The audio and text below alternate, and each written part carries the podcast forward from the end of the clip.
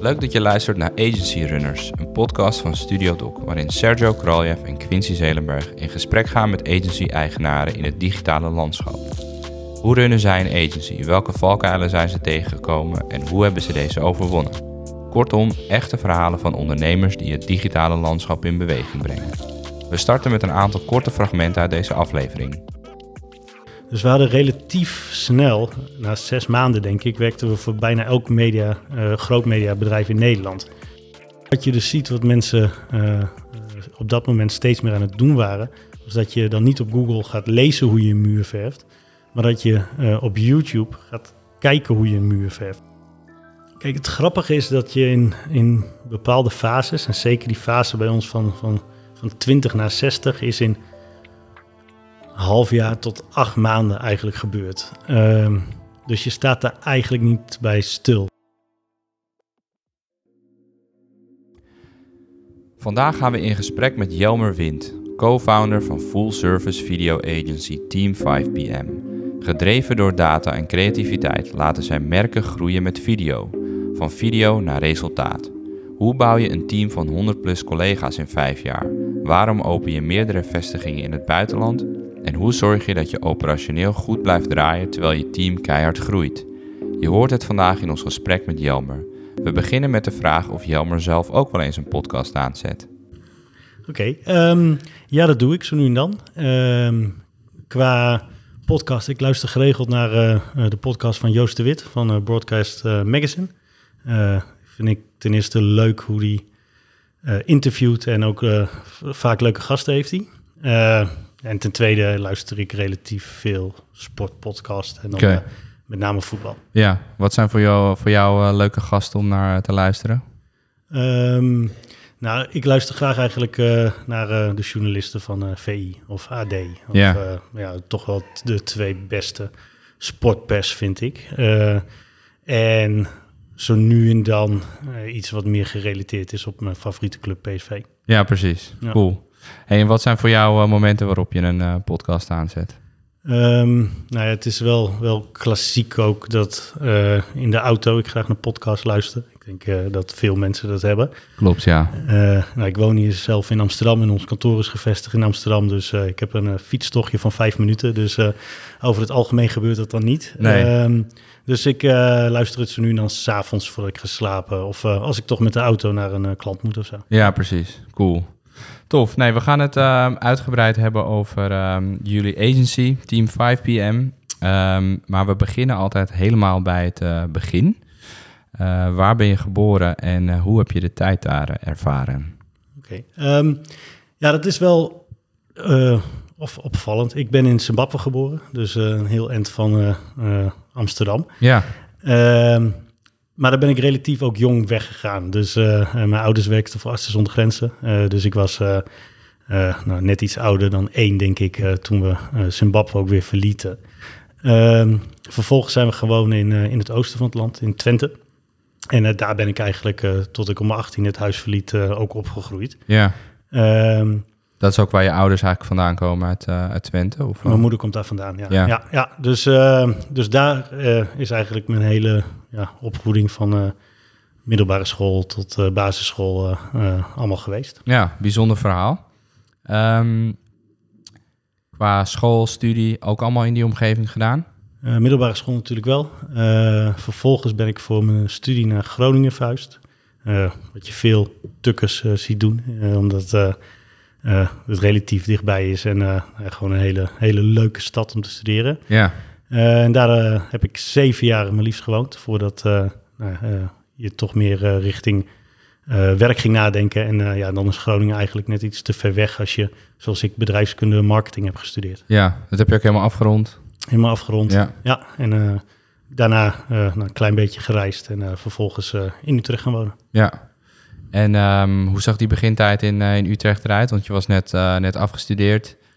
Uh, was, je, was je ergens gaan, gaan werken of hoe, hoe zag dat eruit? Ja, ik was wel ergens gaan werken, maar mijn eerste twee jaar daar denk ik stonden voornamelijk in het teken van veel bijbaantjes om geld te sparen om te reizen. Dus, Zoveel mogelijk weg te kunnen. Een paar maanden werken, dan weer geld gespaard om zes maanden op reis te kunnen. en dat heb ik twee keer herhaald. Ja. En na de laatste reis was ik echt helemaal blut. Uh, tot op het uh, niveau dat de creditcardschuld erop stond. Ja. En dat was het moment om, om over een baan te gaan Ja, precies. Welke, welke landen heb je allemaal gezien? Als ik het zo hoor, volgens mij een hele lange lijst. Een hele lange lijst. Ik ben totaal in nou, bijna 115 landen geweest, denk zo. ik, door de jaren heen. Dus ehm, ik heb wel veel gereisd ja. altijd. Maar ook vaak gecombineerd in, in vakantie. Ik heb lang voor RTL gewerkt had je heel veel vakantiedagen. Dus ik maakte er ook elk jaar wel gebruik van om elk jaar wel een uh, lange reis te maken. Ja, ja. Ja, want je zegt RTL, was dat uh, hetgeen waar je na het reizen ging werken? Nee, ik heb eerst twee jaar voor een start-up gewerkt in, in, in Utrecht. het heette Jobbrokers en het was eigenlijk een soort van Google, maar dan helemaal geënt op de, op de recruitmentmarkt, op de vacatures. Het was ook van de oud-CEO van, van Google Nederland, uh, onder andere, uh, die, die daarbij betrokken was. Ja. Uh, en daar ben ik begonnen, totdat ik na twee jaar nou, daar eigenlijk dat een beetje ontgroeid was voor mijn gevoel. En ja. Ehm, toen heb ik bij RTL gesolliciteerd. Oké, en wat, wat deed je precies bij RTL? Um, ehm, ik heb eigenlijk in de bijna zeven jaar dat ik daar heb gezeten, heb ik eigenlijk twee dingen gedaan. mijn eerste, nou, laten we de helft noemen. Ja. Uh, werkte ik op uh, de digital afdeling van RTL in Hilversum. En was ik opdrachtgever voor nou, de digitale projecten die ze deden rondom de televisieprogramma's. Dus dan moet je denken aan de website van Expeditie Robinson of de app van Weet ik Veel of een webserie rondom Voetbal International. Ja. Gewoon alle digitale extensies, zoals ze dat noemden, om ervoor te zorgen dat de mensen niet alleen gedurende het moment dat uh, het tv-programma werd uitgezonden betrokken waren bij het merk, ja. maar ook uh, op andere momenten gedurende de week. En dat ging van website tot social media, tot apps, tot second screening, tot uiteindelijk uh, full-blown webseries. Ja. En dat was eigenlijk ook het moment dat ehm, we eigenlijk een plan hadden ontwikkeld om, om, een, ja, om een merk van RTL te creëren uh, dat niet voor televisie was, maar uh, puur en alleen op online, op YouTube in dit geval. Ja. Concentrate heette dat. En dat was een beetje met de gedachte van, ja, de jongere doelgroep, dat was toen echt al niet alleen de jongere doelgroep, die kijkt niet meer lineair, die kijkt op andere platformen. Ja. Nou ja, met RTL XL en, en later ook met Videoland had RTL daar best wel wat antwoorden al op. Ehm, Welke periode was dat? Uh, dit was dus rond 2015, denk ik. 2014, 2015, ja. ja. Uh, en we wouden dus iets in elkaar zetten wat, ja, wat puur en alleen op, op YouTube zich afspeelde. Dat is Concentrate geworden. En uiteindelijk was dat ook, ging dat ook samen met, met de plannen van RTL om een multi-channel network op te richten. dat is eigenlijk een hele mooie benaming voor uh, een, een, onderdeel van het bedrijf wat zich bezighoudt met voornamelijk YouTube-influencers, maar ook Instagram-influencers, dus creators. Ja.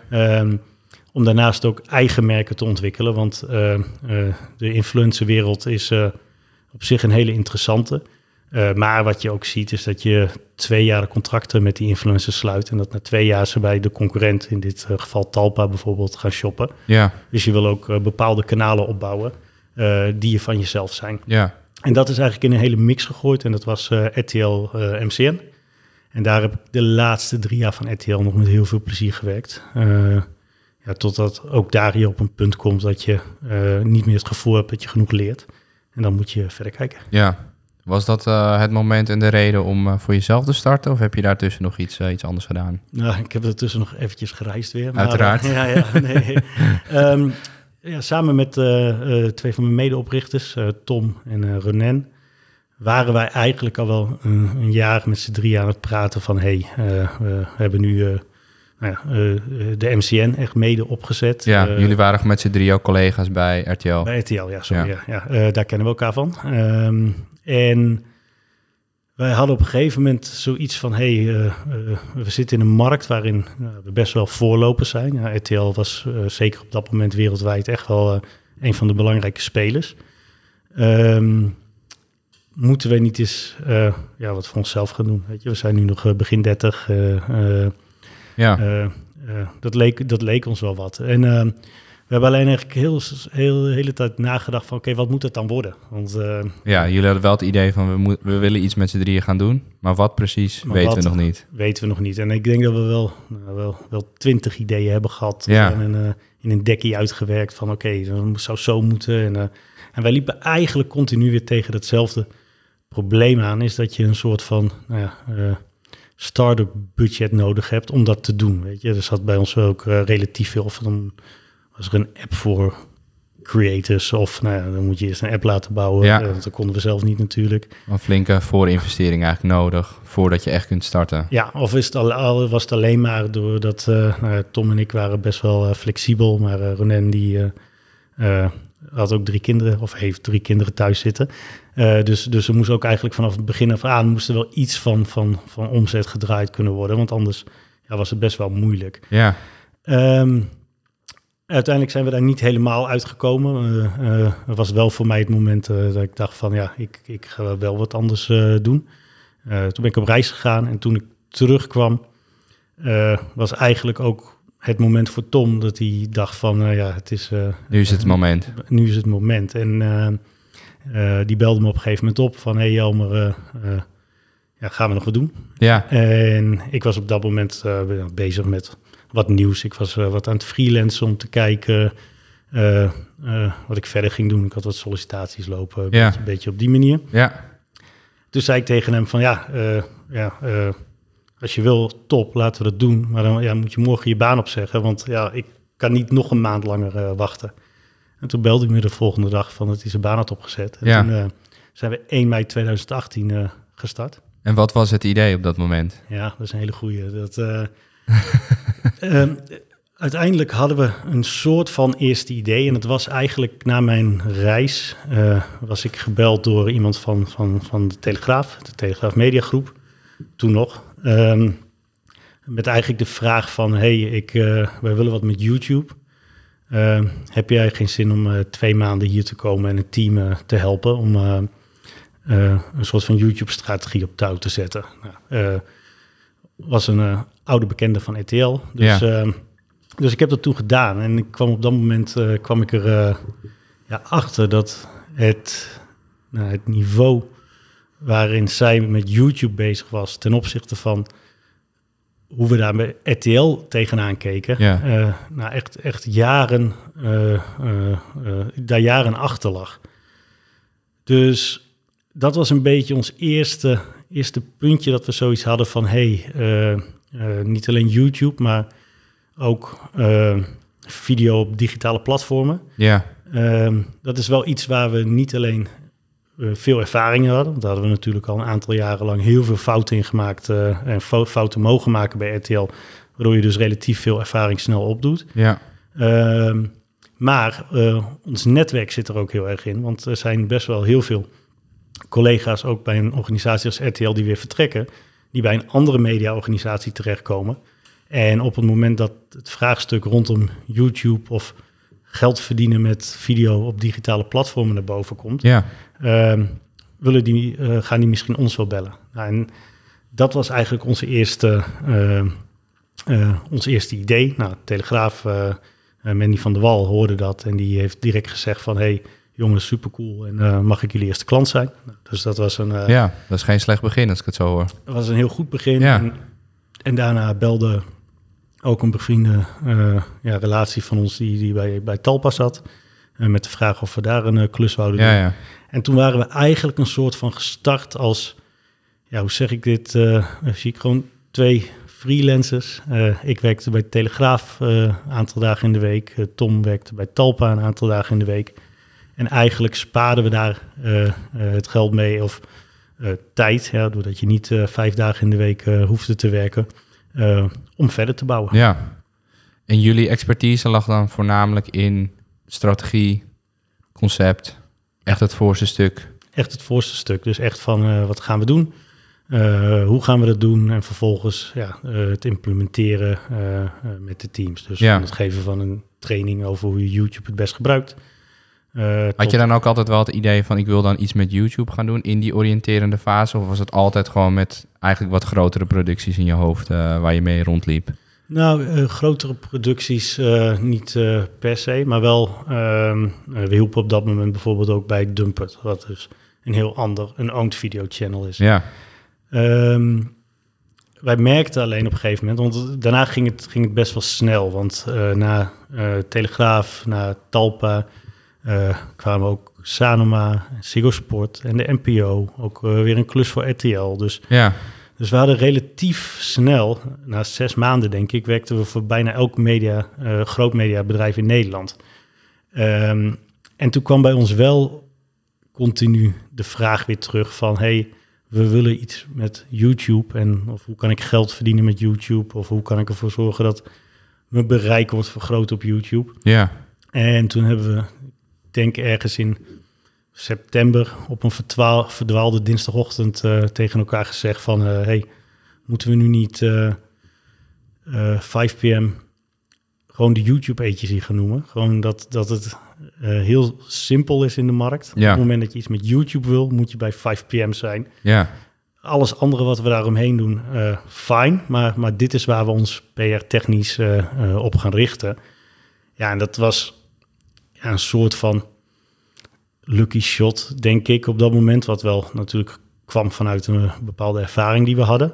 Maar ja, dat is voor ons achteraf gezien een hele geniale set geweest... die we echt niet zo bedacht hadden. ja. En je moet het uiteindelijk nog wel weten om te zetten. Want je kan wel een, hè, tussen haakjes een kruiwagen hebben. Maar uiteindelijk moet je het wel zelf gaan, eh, gaan waarmaken. Absoluut, absoluut. Want eh, we zaten op dat moment was, nou ja, Ronen die eh, had natuurlijk ook snel de stap gezet nadat we wat geld aan het verdienen waren.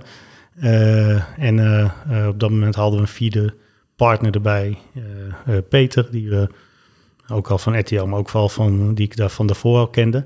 Dat speelde zich allemaal een beetje af in die 2018. eh, ja, eind 2018. ja, ja. En, en doordat we die klussen die we kregen, eh, namen we ook onze eerste collega, collega aan, Mio. ja, Ja, en dat waren eigenlijk de tijd dat we een beetje eh, erop zaten van... hé, hey, we gaan het eh, YouTube-beheer doen voor, voor grote mediabedrijven. ja, Dat eh, was toen nog een beetje het idee. ja, precies. Dus jullie waren met vier partners. Er was inmiddels een eerste persoon aangenomen. Ja. Je zat ongeveer eind 2018, eind, begin 2019. Ja. Wat was, wat was de volgende stap die jullie hebben gezet? Nou, op een gegeven moment kregen wij een e-mailtje. Waren voor het eerst naar buiten gaan eh, met eh, Melanie. Eh, hadden we een persbericht geschreven dat eh 5pm de YouTube agency geopend was. En toen kregen wij de ochtend daarna kregen wij een e-mailtje van, van Axel Nobel. die, die dat persbericht gelezen hadden. En die ons eh, eh, mailde met de vraag van... hey, kunnen jullie niet eens komen praten? Want wij zien dat een gedeelte van onze nieuwe potentiële, potentiële klanten... die vroeger altijd in Google aan het zoeken waren...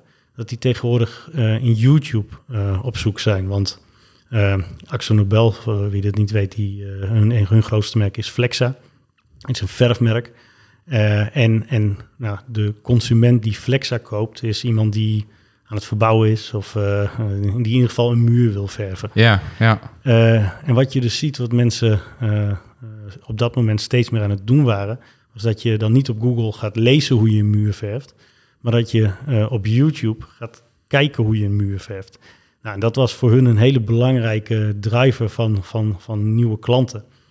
En hun Google-bureau snapte niet hoe YouTube werkte. Dus Ja. wij zijn er toen naartoe gegaan en we hebben toen eh, eh, eigenlijk met hun ja, de eerste klus opgepakt met, met een merk. Ja, iets wat voor ons ja, nieuw was, want we komen allemaal echt uit de, uit de mediawereld. ja, Dat- precies. daar lag ook onze ervaring. Ehm, en eigenlijk zijn we op toen moment eh, eh, nou, de aanname dat YouTube als zoekmachine een hele belangrijke rol speelt in het leven van veel mensen, eigenlijk gaan toetsen. Eh, en dat bleek zo te zijn. En dat was echt onze, onze volgende stap. We hebben toen relatief snel nog vier, vijf collega's aangenomen. En, en toen kwamen ook nieuwe klanten zoals de Gamma, wat nou door de jaren heen echt wel een van onze belangrijkste klanten is. Ehm, maar ook een Transavia of een ING. Ja. Dus er kwamen er veel meer partijen bij ons die allemaal YouTube een beetje als, als zoekmachine gingen beschouwen. Ik weet, op een gegeven moment kwam Volkswagen ook relatief snel. want die hadden gewoon in hun cijfers gezien dat op het moment dat mensen zich aan het oriënteren zijn op een nieuwe auto, uh, ze vaak YouTube erbij pakken, omdat ze willen zien hoe zo'n auto rijdt. Ziet, ja. Uh, of, uh, Klinkt nu eigenlijk allemaal heel logisch, maar destijds was het misschien nog, nog niet zo logisch. Het was nieuw en het, het gaf ons de kans om, om als klein bureau relatief snel marktaandeel te veroveren bij hele grote merken. Want ja. je hoort er wel het rijtje wat ik opnoem. Ja, precies. Het is niet zomaar vanzelfsprekend dat jij als, als nieuw bureau in een, in een nou, bureaupalet van, van hele gerenommeerde bureaus hier uh, binnen, binnen Nederland ja. uh, een plekje krijgt. En wij hebben, dan slaan we weer terug op die positionering. al die grote merken hebben een mediabureau, een creatief bureau, een Google-bureau, een social bureau, en ja. nou, wat voor bureau dan ook. maar een YouTube-bureau, dat, dat had nog niemand. daarin waren we echt, echt first mover. En ehm, we konden het wel heel aannemelijk maken. En, en niet alleen aannemelijk maken, ik denk ook dat dat echt zo is. Uh, YouTube is een complex platform. Uh, uh, je praat ten eerste over een enorm bereik, waarin video wordt gevonden en aanbevolen aan de hand van algoritmes. Nou, het algoritme, niemand weet precies hoe dat werkt. Je leert het alleen door er gewoon heel veel op te werken en te testen. Ja. Daarnaast is het product video, wat ook uh, complexer is dan tekst of plaatjes of, of heel veel andere content-uitingen. Dus in die combinatie uh, hebben we uh, ja, veel klanten ervan tegen weten te overtuigen dat ze met een specialist zouden moeten samenwerken. Ja, precies. Ja. Dus jullie zaten in die transitie van het werken voor, eigenlijk voor mediabureaus naar direct voor, voor klanten. Ja. Jullie team groeide, want jullie werden langzamerhand een agency van, uh, van plus, plus minus 10, uh, 10 mensen. Ja, we zaten eind 2019, dus dat, dat geldt nog een beetje als het eerste jaar. Omdat ja. we natuurlijk de eerste paar maandjes echt als uh, freelancer aan het werk waren. Uh, waren we met z'n twaalfen. Ja, ja, precies. En als we nu eens helemaal uh, doorspoelen naar, uh, naar vandaag de dag. Hoe ziet uh, Team 5PM er vandaag de dag uit? Wie zijn jullie en wat, wat doen jullie? We zijn op dit moment voor het overgrote gedeelte echt gewoon nog een YouTube-agency. Ja. Um, we doen voor bijna al onze klanten... Nou, het zijn er ondertussen wel, wel heel veel. Ik denk dat we vorig jaar wel tussen de 80 en de 90 klanten uitkwamen... waar we vorig jaar voor gewerkt hebben. Uh, een heel groot gedeelte daarvan is, is YouTube. En dan is YouTube natuurlijk een heel mooi containerbegrip. Uh, want uh, er zijn heel veel verschillende producten en services die je kunt aanbieden om succesvol te zijn op YouTube. dat bevindt, begint altijd met strategie. bij ons heel erg data gedreven. het is allemaal ja, heel efficiënt proberen te noemen en veel minder het creatieve onderbuikgevoel, maar ja. veel meer gebaseerd op data. Uh, we doen uh, heel veel videoproductie voor YouTube. Ja, dus uh, in het begin, de, waar we net over praten, deden we voornamelijk de strategie, de optimalisatie en het beheren, channel management van de kanalen. Nou, begin 2020, midden in corona, is Frank de Witte bijgekomen van, van Endemol. Hij heeft toen met onze studio opgericht. Dus om, om de ideeën die we hadden en de plannen die we hadden ook, ook daadwerkelijk te kunnen maken. Cool. Um, daar zit eigenlijk de grootste groei van 5PM door de jaren heen. Omdat uh, uh, ja, je dan opeens met heel andere omzetten, met heel andere projecten uh, komt. Ja. Um, dat is omdat je dan eigenlijk verantwoordelijk wordt voor het gehele stuk. Voor het gehele stuk, ja. En dat hebben we stap voor stap uitgebreid. Want ja. na de productie komt natuurlijk de distributie. Dus zowel organisch als, als betaald. En, en we eindigen altijd met, met labs, uh, onze labsafdeling, uh, uh, measurement. Dus wat voor effect hebben de, de campagnes of de always-on strategieën op effect, aankoopintentie. Nou, ja. KPI's die voor heel veel marketingmanagers heel erg belangrijk zijn. Dus dat, ja, dat, dat is YouTube. Er zit ja. heel erg veel onder. Um, maar naast YouTube doen we tegenwoordig ook heel veel andere dingen op, op videogebied. Ja, we hebben een heel aantal klanten waarvoor we tegenwoordig ook uh, hun TikTok-strategie, hun TikTok-productie uh, en distributie doen. Uh, net als op Instagram, wat weer heel erg veel overlap heeft met bijvoorbeeld een YouTube Shorts. Ja, precies. wat heel groot is geworden. Maar we hebben afgelopen maand ook een original gelanceerd op, uh, op Amazon Prime, op een betaald videoplatform. Is dat voor het eerst dat jullie op Prime actief zijn geworden? Ja, ja, het is voor ons een hele grote klant aan de YouTube-kant. We doen voor hun in negen landen beheren we hun YouTube-kanalen. en op een gegeven moment zagen wij vanuit die kanalen bepaalde datapunten naar boven komen aan de hand waarvan wij dachten van... hé, hey, op het moment dat je hier een, een, echte serie voor maakt... en we combineren dat op een goede manier met, met marketing, distributie via YouTube... dan denken wij dat je wel eens een hele succesvolle case zou kunnen creëren. Nou, dat dacht Amazon gelukkig ook. Dus dat hebben we vorig jaar opgenomen. Dat staat sinds een, uh, zes weken, denk ik, uh, uh, live. op het moment van opnemen. Ja, precies. en...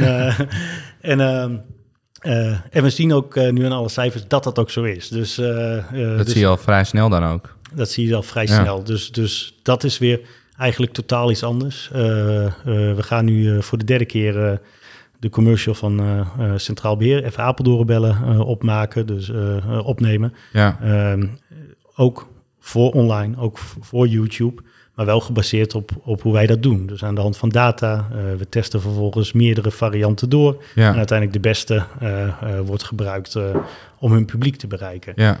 Dus we hebben ondertussen hebben we YouTube nog steeds als, als main platform. maar we gebruiken gewoon heel veel van alle data-inzichten die we vanuit YouTube en vanuit ons eigen data warehouse systeem tegenwoordig verzamelen. Om ook op andere platformen of in andere contentvormen relevant te kunnen zijn voor onze klanten. Uh, vanuit de gedachte dat, ja, dat datagedreven video de volgende slag in de markt gaat zijn. Dus eigenlijk heel simpel, hoe gaan we nou van, van het onderbuikgevoel van ik denk dat deze video gaat werken naar hey, ik weet dat deze video gaat werken, want dit is uh, zo goed doorgetest aan de voorkant dat in combinatie met nog steeds een heel goed creatief concept ja. Dit veel, veel meer resultaat gaat opleveren. Ja, precies. En het creatieve concept, daar zijn jullie dan eigenlijk samen met de opdrachtgever verantwoordelijk voor? Ja, uiteindelijk hebben wij nou, gewoon een creatief team in dienst ja. die, die die plannen bedenken.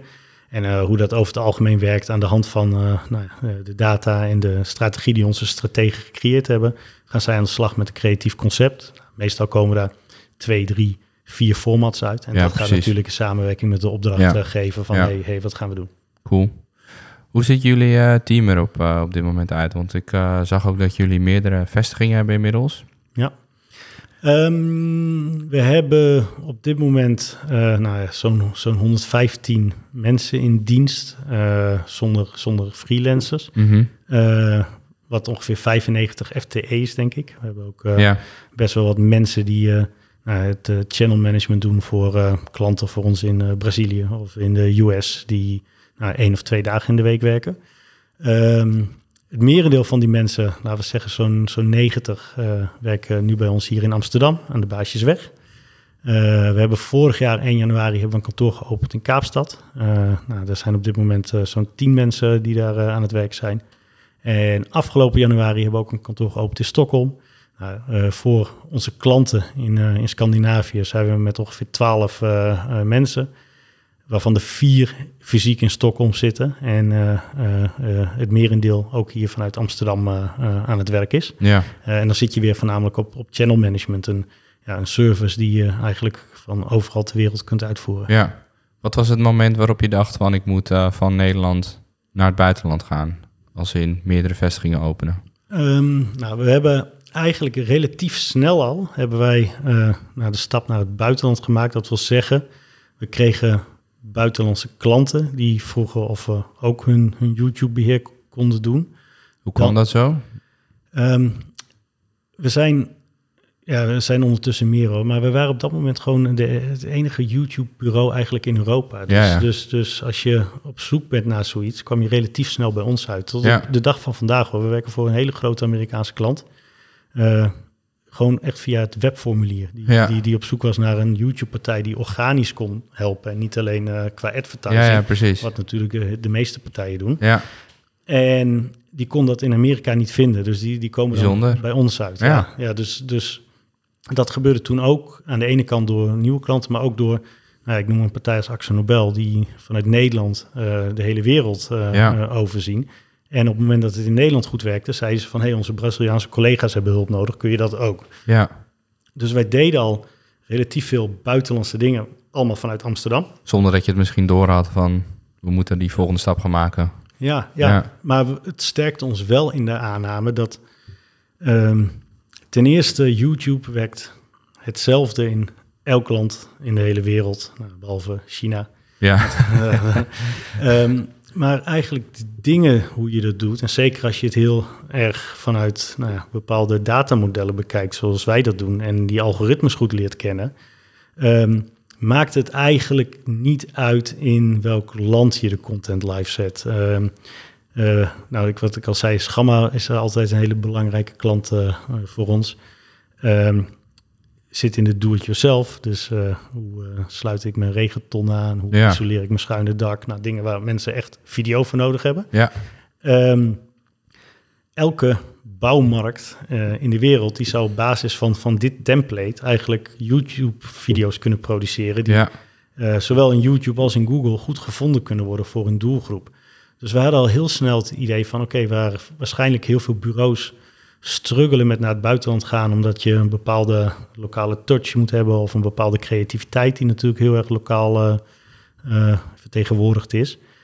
Zou dat voor ons makkelijker moeten kunnen gaan, omdat we gebruik maken van, eh, nou, van algoritmes? ja, Ehm, dus we hebben lang wel met, ja, met het hele vraagstuk gezeten van oké, maar, maar hoe gaan we dat dan doen? Of gaan we gewoon inderdaad wel proberen internationale sales te doen en dat allemaal gewoon in Amsterdam te houden? Of, nou, op een gegeven moment hebben we eigenlijk twee keuzes gemaakt. Eh, de eerste is dat eh, je de, ja, de plek waar je het werk uitvoert voor, voor ja, een heel groot deel eigenlijk niet meer van belang is tegenwoordig. Ja, corona heeft daar enorm mee geholpen. Zeker. Technische ontwikkeling eh, heeft daarmee geholpen, et cetera. Nou, toen hebben we eigenlijk de stap gemaakt eh, naar Kaapstad.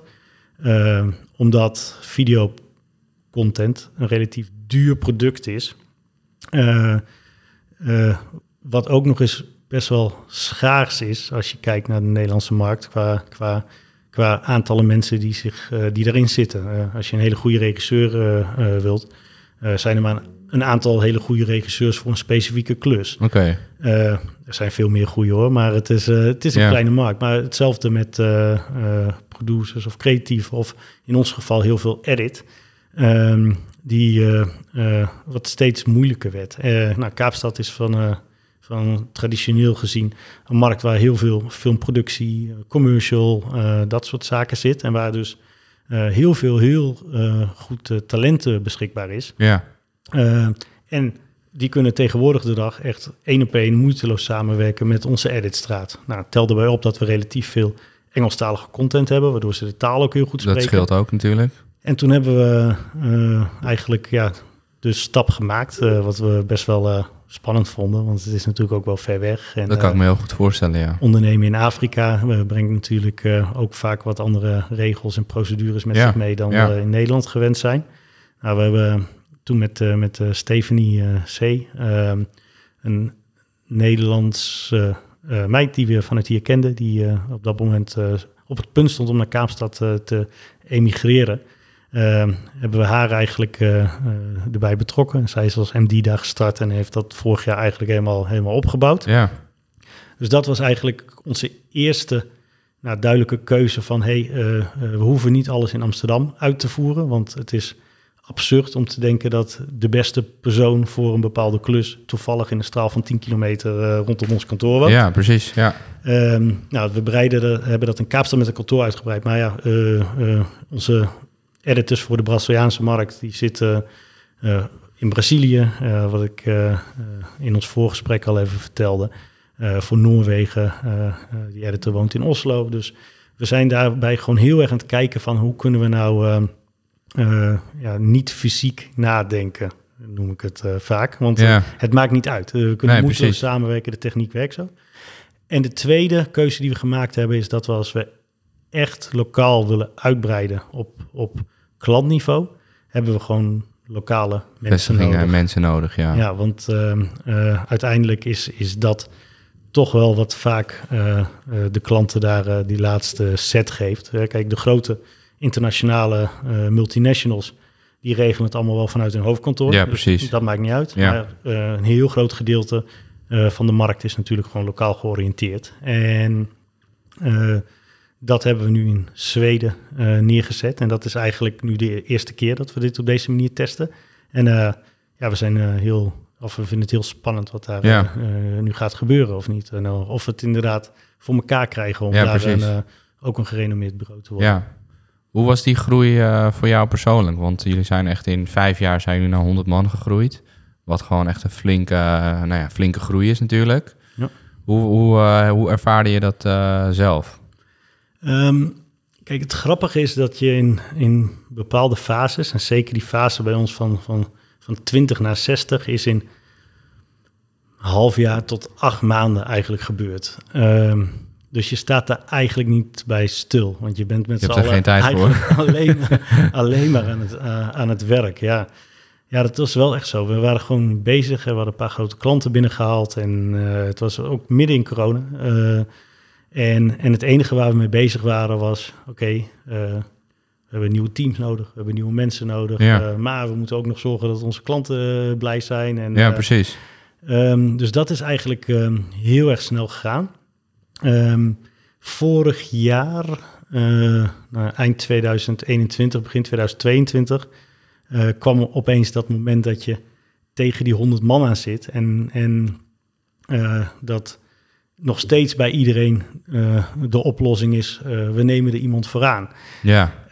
en je dan sowieso genoodzaakt wordt om nog veel strakker op je, op je financiën of je operatie te gaan letten. Wat we denk ik voor, voor een beginnende start-up bureau al best, best wel veel deden. Maar maar ja, niet tot op het niveau wat we vandaag kennen. Nee. Um, uh, we werden echt genoodzaakt om te kijken van oké, okay, hoe doen we dat nou? En wat doet eigenlijk uh, iedereen? En, en hoe gaan we ervoor zorgen dat we uh, dat mensen het juiste doen en dat we een beetje de, de gepercepieerde druk bij mensen wegnemen. Nou, allemaal, mm -hmm. allemaal nieuwe uitdagingen die opeens ontstaan. En ja. waar we vorig jaar, het eerste half jaar, heel druk mee bezig zijn geweest. Door met een nieuwe financiële partij te gaan werken, door op operations nog, nog strakker op te letten. En, en dat was denk ik de, nou, de een van de meest interessante, maar ook een van de ja, toch wel de meest moeilijke ontwikkelingen. Want je wordt opeens een bedrijf. Ja. En heel veel van de vrijheid, blijheid en we zien wel waar we eindigen. wordt opeens stap voor stap afgebouwd naar oké, nee, als het op deze manier in elkaar zit, dan kunnen we dat niet doen. Of ja, precies. Oh, we hadden eigenlijk afgesproken dat dit project nu al af was. wat, wat heb je gedaan? Dus, ja. dus je wordt opeens een stuk zakelijker als organisatie. En je zit natuurlijk in een bedrijf met ondertussen nou ja, 90 mensen, waarvan een heel groot gedeelte uh, ook nog gewoon vanuit die begintijd komt. En, ja, ja. en waarin we dus toch in een situatie komen dat, dat, dat bepaalde dingen anders gaan.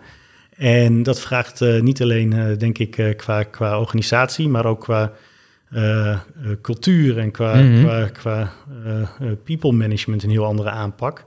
En nou, ik denk wel dat, nou, zeker als ik over een aantal jaren terugkijk, dat dat wel een van de periodes is geweest dat je het meest geleerd hebt. Ja, uh, met hoe je kan me goed voorstellen, ja. En, en, en again, je staat er gewoon niet altijd bij stil. Ja, we, nee. we, we, ja het gaat gewoon in dit geval zo, uh, zo rap. Ja, ik denk als je nu uh, een nulmeting op vijf jaar geleden en een één meting op nu pakt, dat, ja. het, dat het een wereld van verschil is hoe je daar Zeker, ja. jezelf in ontwikkeld hebt.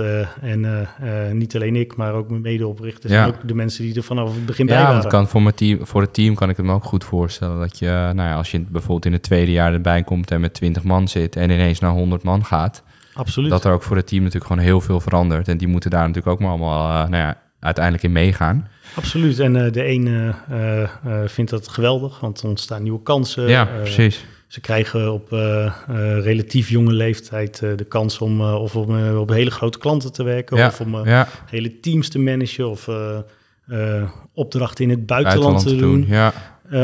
Maar het is ook voor, niet voor iedereen uh, uh, is het wat. Want dan begint toch wel, je hoort ook wel van, nou, het is niet meer zoals vroeger. Nee. Ja, ja dat, dat is ook zo. Ja, dat lijkt me ook best, best wel lastig voor, voor jou en het managementteam zelf. absoluut. Ja. Eh, dat zijn wel dingen waar je het eh, ook met elkaar over hebt en eh, hoe je daarmee omgaat. En uiteindelijk zijn we daar, ja, eh, zijn daar ook de momenten waarin je daar de keuze voor Ja. kan maken van oké, maar gaan we het nou dus inderdaad wel eh, op, op, op die oude manier blijven doen of willen we gewoon door Ja. en gaan we het wel zo doen en ja, iemand die daar het- niet mee eens is of dat niet leuk vindt, ja, dat is ja, zijn of haar probleem Ja, en niet ja. het van ons. Ja. Ja. En wat doen jullie om die, eh, om die cultuur te bewaken? Ehm, nou, we hebben vanaf het begin af aan hebben we eigenlijk, we zijn 5PM wel begonnen met het idee van, hey, ehm, ten eerste, eh, je wil dat eh, eh, de mensen vanaf het eerste uur, zeker in die beginjaren, er absoluut bij blijven. Want op het moment dat, je, ja, dat, dat ze weglopen, dan, dan zorgt ervoor dat je eigenlijk vertraagt in hetgeen waar je mee Mhm. bezig bent. Daarnaast waren we natuurlijk een first mover op YouTube. Wat dus betekent dat er heel veel specialistische kennis zat die we niet 1, 2, 3 ergens anders in de markt konden Nee. krijgen. Dus wij hebben vanaf het moment één gezegd van we gaan erin met een hele, ja, een hele uitgebreide ja, soort van people filosofie. Eh, niet alleen omdat we daar zelf enorm in geloven en, en dat graag willen, omdat we gewoon willen dat we nou, al die uren in de week dat we er zitten, dat we op een fijne werkplek zitten. Eh, maar ook omdat we eh, natuurlijk in, qua mensen in een hele, hele moeilijke markt zitten in Amsterdam, waarbij eh, eh, heel veel bureaus eh, mensen van de een en de Ja, ja. ook weer afpakken. Ja. Dus ehm, ehm, een van de eerste dingen die we gedaan hebben is een eh, handboek geschreven. eh, waarin alles staat eh, van A tot Z over hoe wij over dingen denken. Nou, Ja. iedereen, nou, vanaf het begin af aan denk ik, de mensen die bij ons zijn gekomen, die kregen dat ook bij een sollicitatie van hey, dit is hoe wij naar dingen kijken. En ik denk dat we daar relatief ver in gaan, want het is heel erg gebaseerd op vertrouwen en verantwoordelijkheid. Eh, zoals van de onbeperkte vakantiedagen tot eh, je hebt geen werktijden, eh, eh, ga maar door. Mhm. Maar daarbij ook, ook de andere dingen, tot, van gratis lunch tot swapfees, tot heel veel feesten. Overmorgen gaan we met ons hele bedrijf een weekend naar Italië voor ons vijfjarig bestaan. Tof. we Dorp, dorp afgehuurd. En nou ja, dus, dus dat vonden we dat dat sowieso allemaal gewoon goed in orde moest Ja, zijn. En eigenlijk ja. nooit een reden moet zijn waarom, waarom ze bij ons eh, eh, zouden weggaan.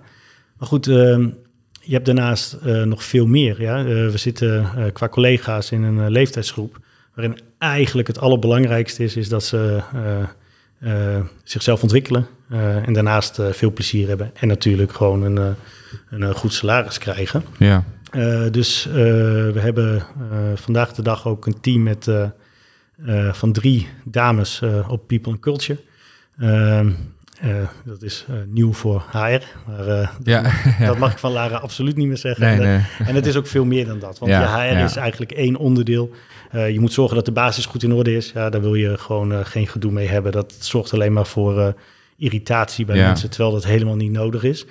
Ehm, maar zij houden zich heel erg bezig met, met de ontwikkeling van mensen, eh, maar ook eh, nou, eh, een van de grootste problemen natuurlijk binnen de markt is, is natuurlijk heel erg gericht op bijvoorbeeld op stress, op Ja. burn-out preventie, Ja, op dat soort zaken. Dus hoe ga je daarmee om? Stress is in de basis niet slecht, maar te veel stress weer wel. Ja. Dus hoe herken je dat? En per persoon natuurlijk ook weer verschillend. En per persoon verschillend. maar eh, ze houden zich ook bezig met, met allerlei eh andersoortige trainingen van, eh, nou ja, van, eh, van managementopleidingen.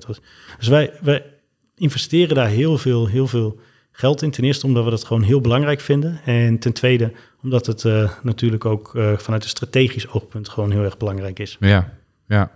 Cool. Het klinkt echt als een, nou ja, als een heftige, heftige, maar ook wel hele mooie vijf jaar die, die je achter, achter de rug hebt. Ehm, ik wilde ook nog eh, één of twee cases belichten. Want je hebt eh, tussen neus en lippen door heb je al wel wat eh, opdrachtgevers voorbij laten horen komen. Ehm, kun, je, kun je een, een case uit, uitlichten die je het meest is bijgebleven of waar jullie op dit moment aan de, voor aan het werk zijn? Ehm, ja, ik, het is misschien wel leuk om wat meer te vertellen over een case van bol.com. Ehm, daar hebben we recentelijk een YouTube Works Award eh, voor gewonnen. Dus eh, dat wordt ook wel vanuit de markt onderkend dat dat eh, vernieuwend is. Ehm, we zijn met bol.com zijn we vorig jaar om en zijn we, zijn we sterrenreviews gaan, gaan produceren. En dat is een format voor YouTube, waarin uh, twee presentatoren eigenlijk aan de hand van de sterren die mensen geven op het platform van bol.com ja. bepaal, een bepaalde productcategorie gaan reviewen. Dus ehm, wasmachines, koptelefoons, van hey, op het moment dat jij op zoek bent naar een nieuwe koptelefoon voor je podcast set, ja. welke zou je daarvoor moeten hebben? Um, en het leuke ervan is, als je dat eigenlijk helemaal uitkleedt, is het, is het how-to. Ja? Mensen zijn op zoek op YouTube naar welke koptelefoon moet hij kopen. En wat Bol uh, hiermee doet, of in ieder geval probeert, is om wel die review te geven, gebaseerd op, op, op data. Echte waar zoeken data, mensen ja. naar, waar kijken mensen naar, gaan we door. En dat vervolgens wel in een entertainment sausje te gooien. Zodat Ja. het uh, niet alleen informatief, maar ook leuk Beetje- wordt om naar ja, te kijken. Een beetje komisch ook nog. Ja, en uh, we zien uh, dat dat in dit geval gewoon uh, heel goed gewerkt heeft. Omdat uh, ja, de content heel goed scoort, de uitkijktijd heel goed scoort. En nou, voor ons heel belangrijk, de klant er ook heel, heel tevreden Ja, mee is. ja, precies. Hoe zijn jullie dan bij, eh, bij Bob.com eh, terechtgekomen? Ja, via via. De meeste van onze, we doen best wel, we hebben een nieuw business team met drie personen. Mhm. Uh, tenminste hier en één in, in Stockholm. Ja, Um, maar je ziet dat vanuit netwerk dat dat een hele belangrijke uh, voor ons is. Uh, en dat is uh, de ene keer omdat je voor een klant gewerkt hebt en die persoon gaat naar een, andere klant en die heeft zoiets van hey, we moeten Team 5 PM hebben. Op de andere kant word je door iemand anders gerefereerd. Ja, dat, dat is wel gewoon heel ja, belangrijk. dus eigenlijk vanuit het verleden zaten jullie al eh, best wel op netwerk natuurlijk. Want jullie eerste klanten kwamen ook gewoon echt uit het, uit het eigen netwerk. Ja. En dat is gewoon nog steeds een belangrijke, Absoluut. belangrijk kanaal voor, uh, voor nieuw, uh, nieuw business. Ja, absoluut. Want we zijn natuurlijk nog steeds een, nou ja, relatief klein. Ik denk dat we binnen het Amsterdamse bureaulandschap door sommige partijen ook wel als groot betiteld worden ondertussen. Maar mm -hmm. ja, we zijn natuurlijk voor, zeker voor deze klanten nog steeds een relatief kleine partij als je het vergelijkt met al die enorme bureaugroepen waar ze vaak bij zitten. Ja, het bureau van bol.com is Dept. Nou ja, dat is natuurlijk een, ja. een heel erg uh, grote, uh, grote groep. Ja. Um, ja, dus dat is uh, heel belangrijk. Gewoon echt referenties op klantwerk. Ja, ja precies. Hey, wat zijn voor jou de mindere kanten van het runnen van een agency? Mm, ja, dat is een goede vraag. Kijk, er zijn kanten die ik minder leuk vind. Maar dat komt gewoon vanuit mijn, uh, nou ja, vanuit mijn persoonlijk wat ik leuk vind en wat mm -hmm. ik niet leuk vind. En door de jaren heen, uh, als bureau-eigenaar, uh, word je steeds meer gevraagd om jezelf ook, om ook dingen op te pakken die misschien niet per se bij jouw eigen interessegebied liggen. Ja. Ik heb dat bijvoorbeeld heel erg met, met meer onze operationele workflow en hoe we de boel zo gaan inrichten dat we op bepaalde vlakken heel erg schaalbaar zijn. Ja, ik vind het heel erg leuk om nieuwe dingen te doen. Wat natuurlijk ook heel erg dicht uh, bij mijn uh, functie in de buurt ligt. Maar uh, dat andere hoort er wel, hoort er wel bij. daarnaast wordt natuurlijk vaak het grapje gemaakt, ik wens je veel personeel toe. Nou, voor, voor, ja. voor, ons is dat gaat het echt, echt goed. We hebben een laag verloop. Uh, ik denk echt, echt veel mensen die, die met veel plezier elke dag naar Team 5PM gaan. Wat mij dus ook weer veel plezier oplevert. Maar er zitten natuurlijk door de jaren heen ook wel echt gevallen tussen die wat niet zo leuk is. Ja, uh, of ja. uh, door wat voor reden ook. Hè. Soms misschien wel door ons toedoen, maar vaak ook door het toedoen van iemand anders. Nou, dat, ja, dat vind ik wel altijd echt de minder leuke dingen. Omdat je Ja. uh, graag wilt dat het een, uh, dat ja, het dat een iedereen, ja, dat iedereen ja. het leuk heeft en dat uh, Ja. iedereen dezelfde kant op beweegt. Ja, en je leert ook wel door de jaren heen dat dat ook niet kan. Maar, Ja. eh, goed, Ja. daar zit dus ook weer, weer ontwikkeling. Dus het zit voor mij voornamelijk heel erg in, in heel veel dingen die, er, die erbij gekomen zijn... waar je van tevoren niet per se over nadenkt. Ja, Nou, en waarin we gelukkig nu, doordat we een bepaalde grootte hebben... ook steeds wel meer kunnen kiezen van... hé, hey, eh, gaan we dit eh, nu zelf doen? Of, of gaan we misschien wel iemand daarvoor aannemen die daar heel erg goed in is... en, en die dat wel heel leuk vindt om te Ja. doen? En, en, en dat lukt ons steeds beter, vind ik. Ja, precies. Heb jij persoonlijk ook hulp van buitenaf gehad uh, in, die, in die groeifase? Dus bijvoorbeeld een business coach of jullie als MT, dat je gewoon eens in de zoveel tijd uh, externe hulp erbij haalt? Um, ja, we hebben ook wel in het begin, dat hebben we eigenlijk nu sinds anderhalf jaar niet meer of zo. En uh, we zijn wel weer serieus aan het overwegen om het te doen. We hadden we een soort van raad van advies.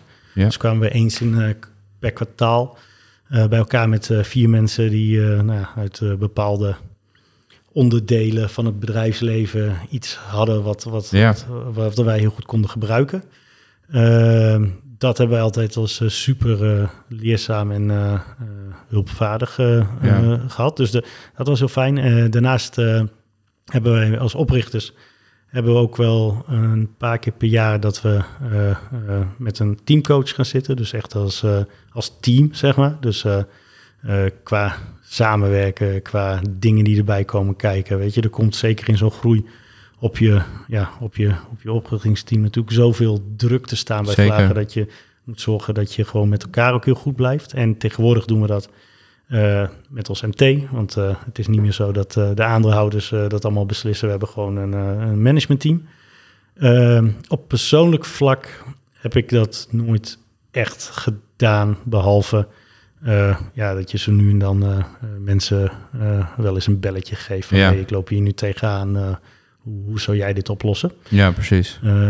maar nee, ik denk dat het zeker in dit soort bedrijven dat het heel, heel slim is om externe hulp of ja. externe kennis zo nu en dan aan te trekken. Ja, want het brengt je gewoon een stapje verder. Ja, en hoe ga je om met uh, de zogeheten work-life balance? Want je zei net, uh, er komt best wel een druk op je te staan, op jou als persoon, maar ook op het hele, hele team, het hele managementteam in zo'n heftige groeifase. Ja. Hoe zorg je dat dat uh, in balans blijft? Nou, op, op dit moment is het grappig genoeg veel, veel makkelijker dan dat het in het begin was. Want in het begin ben je met elkaar en op het moment dat de laptop van iemand kapot gaat, uh, uh, moet je naar de mediamarkt om een nieuwe laptop te kopen. En, uh, op, de, op, de, op de zaterdagmiddag sta je facturen in te kloppen. Waardoor het ja, op een gegeven moment helemaal door elkaar heen loopt natuurlijk. Want dit moet nog even, dit moet nog af. Nou, je zult het, ja. je zult het ja. herkennen. en er is niemand anders die je ervoor kan bellen dan jezelf. Ja. Um, vandaag de dag, met, als je een, een organisatie hebt die, die ja, ondertussen de omvang heeft als Team 5PM, ja. Uh, heb je dat eigenlijk uh, veel beter qua verantwoordelijkheden uh, doorgezet. Dus ik moet zeggen dat sinds we door die heftige groeifase heen zijn gegaan en sinds dat we ook intern en operationeel de boel gewoon beter onder controle hebben, wordt het gewoon makkelijker. Uh, natuurlijk maak je echt wel wat meer uren dan, dan misschien sommige mensen de, doen die in loondienst zijn. Maar daarin zit ook, ook relatief veel dingen die best wel heel leuk zijn. Of het ja, gelukkig maar. S'avonds eten met de klant is. of ik ben op dit moment relatief veel in het buitenland. Waar natuurlijk work-life wel wat moeilijker wordt. Maar ja. Ehm, dat vind ik ook heel leuk. Dus ja. Ehm, Nee, over, over het algemeen werk ik op dit moment heel weinig in weekenden of in avonden. Dus, dus het is best, best wel goed, best wel goed in balans allemaal. Het is best wel goed in balans, ja. ja. Hey, um, wat, zou, wat is voor jou de meest waardevolle les die je hebt geleerd in um, ja, het runnen van je agency? Oeh, de meest waardevolle les. Dus, we hebben natuurlijk heel veel lessen geleerd. Ja. ik, ik zal, Belicht er één of twee. Um, de belangrijkste nou les of eigenlijk ervaring die, die wij nu hebben opgedaan met Team 5PM, wat misschien heel handig is voor andere bureau-eigenaren die naar luisteren, is dat wij bij toeval min of meer een hele strakke positionering hebben gekozen, die ons eigenlijk heel duidelijk uh, in, een, in een bepaalde hoek neerzetten en waarvoor klanten exact wisten waar ze ons voor moesten bellen. Um, ik denk dat als ik kijk naar, naar de markt, dat er relatief veel beginnende of misschien wel strugglende bureaus zijn. Uh, die ervoor gekozen hebben om alles te doen. En ik, ik snap dat heel goed, want zeker op het moment dat je uh, aan het eind van de maand uh, je omzet binnen moet halen, pak je alles aan. Ja? Wij Nederlanders zijn zo opportunistisch als maar wat. Mm -hmm. maar om uiteindelijk durven te kiezen voor iets wat je doet en waar je heel goed in bent. En, en wellicht ooit vanuit daar eh, je propositie uitbouwen, ehm, ja, is iets waar wij enorm veel profijt van hebben gedaan en waarvan ik nu denk als ik andere bureaus zie, ja, hou het nou simpel. Ja. Simpel, als in focus op één van de dingen die je gewoon heel goed kan, in plaats van het allemaal maar uh, willen Ja. oppakken. Ja, ja eh, Ja, dat is denk ik wel een les die wij echt geleerd hebben ten, ja, in vergelijking met, met hoe we daar in het begin naar keken. ja precies. En eigenlijk ook een les waar we nu eh, mee struggelen. Want ja, we doen veel meer dan alleen YouTube. Hoe ga je, hoe ga je dat nu aan de markt vertellen? En moet je dat wel doen? Ja. En, eh, eh, of moet je gewoon heel strak bij je propositie blijven? En vanuit daaruit een klantrelatie Ja, bouwen? precies. Want hoe kijk jij nu naar die andere platformen zoals TikTok bijvoorbeeld? Ehm, we hebben altijd die andere platformen een beetje links laten liggen, omdat het niet in lijn was met hetgeen wat wij aan het doen waren. Ja, we deden ja, YouTube, maar wat wij voornamelijk deden van, is nadenken hoe je nou van video naar een resultaat kunt. Ja, dus of dat resultaat nou aankoopintentie is, of eh, directe verkoop, of eh, misschien wel eh, geld verdienen op het platform YouTube. Mhm. Ehm, het dataonderzoek stond in teken van resultaat. Ehm, bij Instagram bijvoorbeeld is de, vonden we dat moeilijk om dat nou eh, van die creatieve campagne-achtige kant af te halen. Wat we nu met TikTok zien is dat, dat TikTok SEO eh, eh, heel groot aan het worden is. Dus mensen zijn heel gericht op zoek op TikTok naar iets wat misschien wel een, een relatie heeft met het product van een van onze klanten. Ja, En ehm, dat vinden we dus enorm interessant, omdat eh, eh, ja, zoekgedrag is nog steeds heel erg aan het veranderen. Nou, en eh, we zagen natuurlijk de switch van tekst naar video. ja, en nu zien we de switch naar shortform video voor enerzijds nog een, een jongere doelgroep op dit moment, maar dit blijft zich doorzetten. Dus ehm, eh, ja, wij vinden TikTok echt enorm interessant. ja. Ja. Wat maakt die shortform zo aantrekkelijk, denk jij? Ja, gewoon de hele manier, de snelheid die erin zit, de manier hoe je het consumeert als gebruiker op je telefoon, eh, de algoritmes die erachter zitten, waardoor je eigenlijk continu iets krijgt wat je, eh, wat ze zeggen, wat je, wat je dopamine niveau uh, Ja, precies, ja. het is, ja, het is Ik kan me ook goed voorstellen dat voor jullie dan, als het natuurlijk steeds moeilijker is om dat verschil te maken, omdat er zoveel is. En die, ja, iedereen zit in die dopamine. Het is een paar seconden kijken en je swipet weer, swipet weer weg. ja, Dat zijn wel de paar seconden waarin jullie zeg maar, het verschil moeten maken voor een opdrachtgever. Dat lijkt me ook best een uitdaging. ja, aan de ene kant wel, aan de andere kant eh, eh, willen wij in die red race eigenlijk ook niet al te veel meedoen. Nee, precies. want wij zoeken weer eigenlijk de, de, de SEO-kant op. Ja, ja, ja. ja. Je ziet Ja. bijvoorbeeld, nou, Hema is een klant van ons.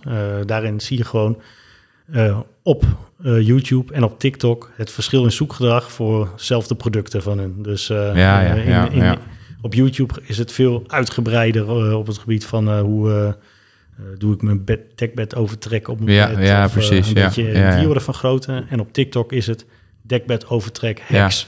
ja. Dus wij gooien dat dan in één campagne. We halen dat allemaal uit onze, onze data. We hebben ondertussen een eigen datasysteem gebouwd, Topic Tree, ehm, die over alle videoplatformen eh, de zoekwoorden, de concurrentie en, en de manier van zoeken eh, uitfiltert.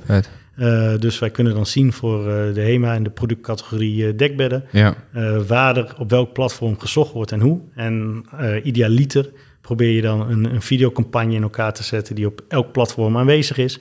Waarin je dus uiteindelijk probeert te sturen op of merkvoorkeur of traffic naar een website of misschien wel de verkoop van dekbedden. ja, ja. Cool. Dus dat eigen dataplatform, dat hebben jullie zelf ge- gebouwd omdat je eigenlijk gewoon over die verschillende platformen al die data in één tool wil hebben. Ja. In plaats van dat los trekt bij, eh, bij elke, of eigenlijk los bij elk platform moet kijken waar die... eh, Ja, we hebben eigenlijk eh, nou, heel, heel simpel al onze kennis en werkwijzes van de afgelopen vijf jaar ja, hebben we geautomatiseerd en verzameld nu in één platform. We hebben ook twee data engineers eh, de hele dag bij ons zitten die daar eh, mee bezig zijn. Nou, het is eh, ondertussen een, een aparte tooling geworden waar niet alleen wij meer op werken, maar waar ook andere agencies eh, een soort van licentie op afnemen. ja, Waar een aantal van onze klanten op werken, zodat eh, eh, ze dagelijks gewoon kunnen zien van hey, wat doet nou het zoekgedrag, wat doet het viewgedrag, wat doet mijn concurrentie. ja, precies. En, en dat is best wel, eh, uniek omdat er uh, verder geen tools in de markt nu uh, beschikbaar zijn die over uh, enerzijds meerdere videoplatformen zoals TikTok, YouTube, Google Video, maar ook op marketplaces aan het scannen zijn van hey, wat gebeurt daar nu. Ja, cool. Hey, we komen langzamerhand aan het einde van de podcast. Um, nou ja, jullie zijn keihard gegroeid de afgelopen vijf jaar vanaf, vanaf de start. Wat zijn de verdere ambities vanaf dit punt? Um, dat is een goede vraag. Uh, kijk, ten eerste, we hebben heel erg uh, die internationalisering ingezet. En uh, daar ligt wel echt veel van, van onze ambitie op dit moment. ook, veel, ook veel focus, moet ik zeggen. wat ik al eerder zei, YouTube werkt gewoon hetzelfde in, in al die landen. we zien nog steeds dat Nederland enorm voorop loopt in, in deze ontwikkelingen. dat wordt ook bevestigd door, door YouTube, Google, met wie we natuurlijk een hele goede relatie hebben. Uh, dus, dus daarin willen we graag uh, uh, verder uitbreiden. Um, daarnaast hebben we ook best wel de ambitie om, om wat breder bekend te staan. Weet je, in plaats ja. van alleen YouTube-partner, veel meer naar, naar ja, de strategische videopartner van, van heel veel van onze klanten. Ja. Omdat, again, die hele datalaag die we hebben gewoon heel geschikt is voor heel veel varianten van video op heel veel verschillende platformen.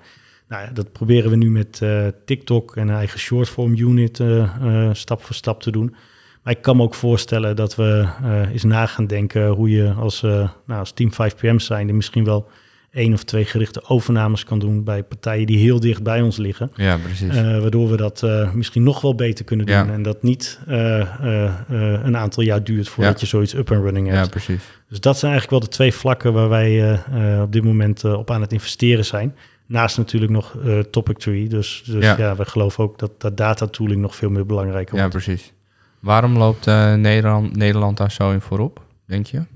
Um, nou, je ziet het. Het is grappig, want je, uh, toen ik nog bij RTL werkte, zag je al dat heel veel buitenlandse partijen hun, hun nieuwe formats eerst in Nederland testen. En op het moment dat het dan succesvol was, gingen ze op andere plekken op de wereld dat produceren. Ja, dat is natuurlijk het hele verdienmodel van John de Mol. Ja. Ehm, maar die doet het meestal andersom, toch? Of niet? Die doet het toch altijd eerst in Nederland en verkoopt het dan aan het buitenland? Ja, ja, ja. maar die buitenlandse partijen doen het dus ook eerst in Nederland. Ja, precies. En, uh, en dan daarna pakken oh, ze ja, het door. Ja, ja, ja, ja. ja. Um, we zien uh, natuurlijk door de jaren heen dat heel veel van die technische innovatie, technologische innovatie, natuurlijk heel, in Nederland heel snel gaat. Want we zijn relatief klein.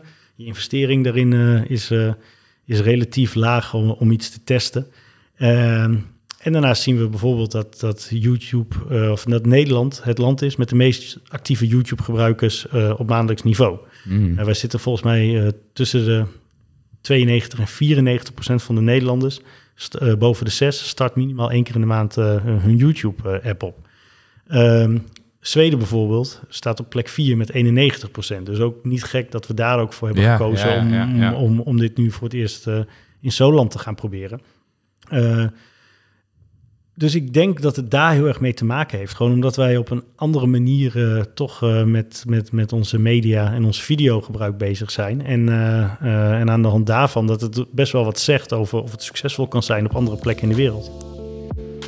Wat tof dat je het einde van deze aflevering hebt gehaald. Benieuwd wie er nog meer in de podcast verschijnt? Check dan agencyrunners.nl. We zijn ook benieuwd naar je mening. Laat een reactie achter in de Q&A-sectie op Spotify en klik op volgen om op de hoogte te blijven.